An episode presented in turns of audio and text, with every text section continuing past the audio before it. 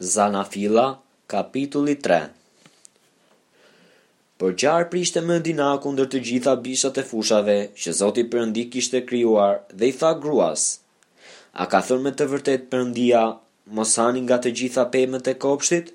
Dhe gruaja iu përgjigj gjarprit: Nga fruti i pemëve të kopshtit mund të hamë, por nga fruti i pemës që është në mes të kopshtit, Perëndia ka thënë: Mos hani dhe mos e prekni, ndryshe do të vdisni. Atëherë gjarpri i tha gruas, Ju s'keni për të vdekur aspak. Por Perëndia e di se ditën që do t'i hani, sytë tuaj do të hapen dhe do të jeni si Perëndia, në gjendje të njihni të mirën dhe të keqen. Dhe gruaja pa që pema ishte e mirë për t'u ngrënë, që ishte e këndshme për sytë dhe që pema ishte e dëshirueshme për ta bërë të zgjuar dikë. Dhe ajo mori nga fruti i saj, e hëngri dhe i dha edhe burrit të saj që ishte me të, dhe hëngri edhe ai. Atëherë iu hapën sytë të dyve dhe e panë që ishin lakuriq. Kështu ata qepën gjethe fiku dhe bënë breza për t'u mbuluar. Pastaj dëgjuan zërin e Zotit Perëndi që shëtiste në kopësht në flladin e ditës. Dhe njeriu e gruaja e tij u fshehën nga prania e Zotit Perëndi midis pemëve të kopshtit. Atëherë Zoti Perëndi thirri njeriun dhe i tha, Ku je? Ai u përgjigj, Dëgjova zërin tënd në kopësht dhe pata frikë sepse jam lakuriq dhe u fsheha. Dhe Ai i tha, Kush të tregoi se je lakuriq? Mos vallë ke ngrënë nga pema që Unë të kisha urdhëruar të mos haje?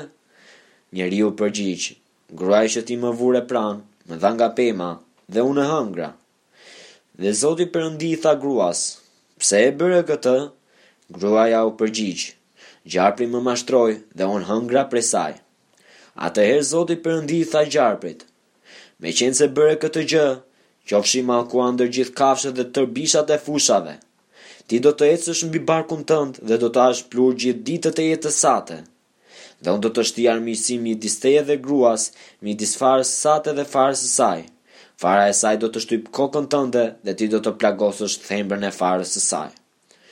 Gruas i tha, Unë do të shtoj në masë të madhe vuajtjet e tua dhe barrët e tua.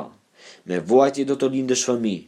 Dëshirat e tua do të drejtohen ndaj burrit tënd dhe ai do të sundojë mbi ty. Pastaj i tha Adamit, Meqenëse dëgjove zërin e gruas sate dhe hëngre nga pema për të cilën të kisha urdhëruar duke thënë, Mos ha prej saj, toka do të jetë e mallkuar për shkakun tënd. Ti do të hash frutin e saj me mund tërë ditët e jetës sate. Ajo do të prodhojë gjemba dhe bimë gjembore dhe ti do të hash barin e fushave. Do të hash bukën me djersën e ballit derisa të rikthesh në dhe, sepse nga ai ke dalë. Sepse ti je pluhur dhe në pluhur do të rikthehesh.